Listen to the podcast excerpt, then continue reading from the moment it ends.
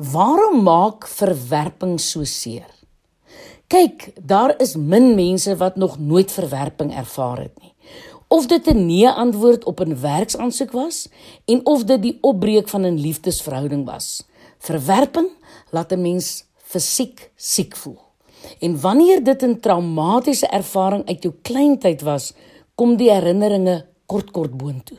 Nou navorsing het bewys dat verwerping dieselfde gedeeltes in die brein affekteer wat deur ernstige fisieke pyn gesneller word. Dis daarom nie vreemd om erge fisieke simptome te ervaar wanneer jy eensaam of verwerp voel nie. Jy voel dit gewoonlik die eerste as 'n kopseer of 'n dowwe maagpyn. Jy sukkel om te slaap en bars vir die geringste dingetjie in trane uit. Jy's doodmoeg en weet nie wat van jou lewenslus geword het nie. Jy voel in een woord aaklig. Erken verwerping vir wat dit is. 'n Emosionele reaksie wat 'n pynlike ervaring is wat jou na liggaam en gees aantas. Nou maar waarom voel dit of dit net ek is wat nie goed genoeg is nie?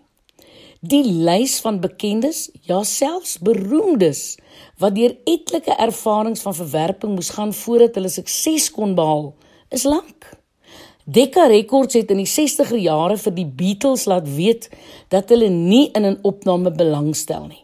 Hulle het gesê: "Ons uitvoerende direkteure het besluit dat gitaargroepe nie meer gewild is nie en ons glo nie dat hele groep 'n toekoms in die vermaaklikheidswêreld het nie. Jy glo. Gelukkig het hulle hulle glad nie hierdeur laat onderkry nie. Walt Disney, Madonna, Lady Gaga het soortgelyke verhale. Brian Acton en Jan Koom het na jare van ervaring by Yahoo by Facebook aansoek gedoen vir werk en 'n nee gekry.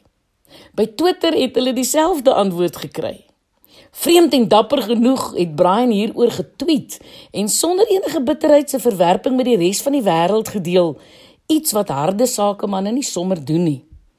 Die twee manne se afsê-brief het hulle laat besluit om hulle eie platform te ontwikkel en 'n paar jaar later het hulle WhatsApp vir 19 biljoen dollar aan Facebook verkoop. Dit wil gedoen wees. Nou wat leer dit ons? Dat verwerping alle mense tref, dat jy nie alleen is nie en dat dit beslis nie persoonlik opgeneem moet word nie. Nou sal ek ooit weer in myself kan glo. Dit is normaal om pyn te ervaar na verwerping, maar jy het 'n keuse om by jou pyn vas te hak of aan te beweeg. As jy met jou rasionele brein jouself kan ooreed om die verwerping nie persoonlik op te neem nie, kan jy iets aan die saak begin doen.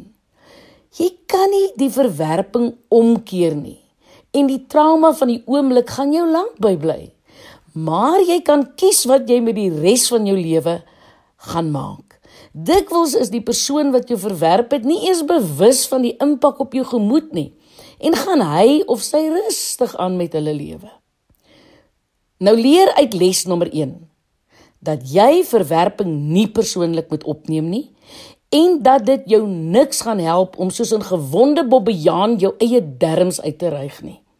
Neem die besluit dat jy nie die res van jou lewe in hierdie emosionele tronk wil bly nie, want daar daar is verseker 'n lewe daar buite. Nou hoe kry ek dan nou my lewe terug?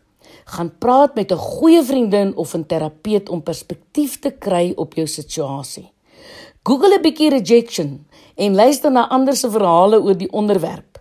Jy sal gou agterkom dat die meeste mense terugkyk op verwerping en sien hoe hulle gegroei het.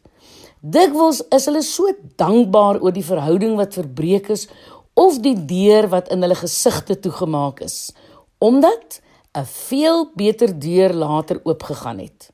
Daar is baie wat erken dat hulle in gemak in 'n gemaksone was en dat die verwerping nodig was om hulle na 'n volgende vlak van insig, volwassenheid of dieper inner, innerlike krag te neem. Besluit dat jy nie sal vashak by die waarom ek vraag nie.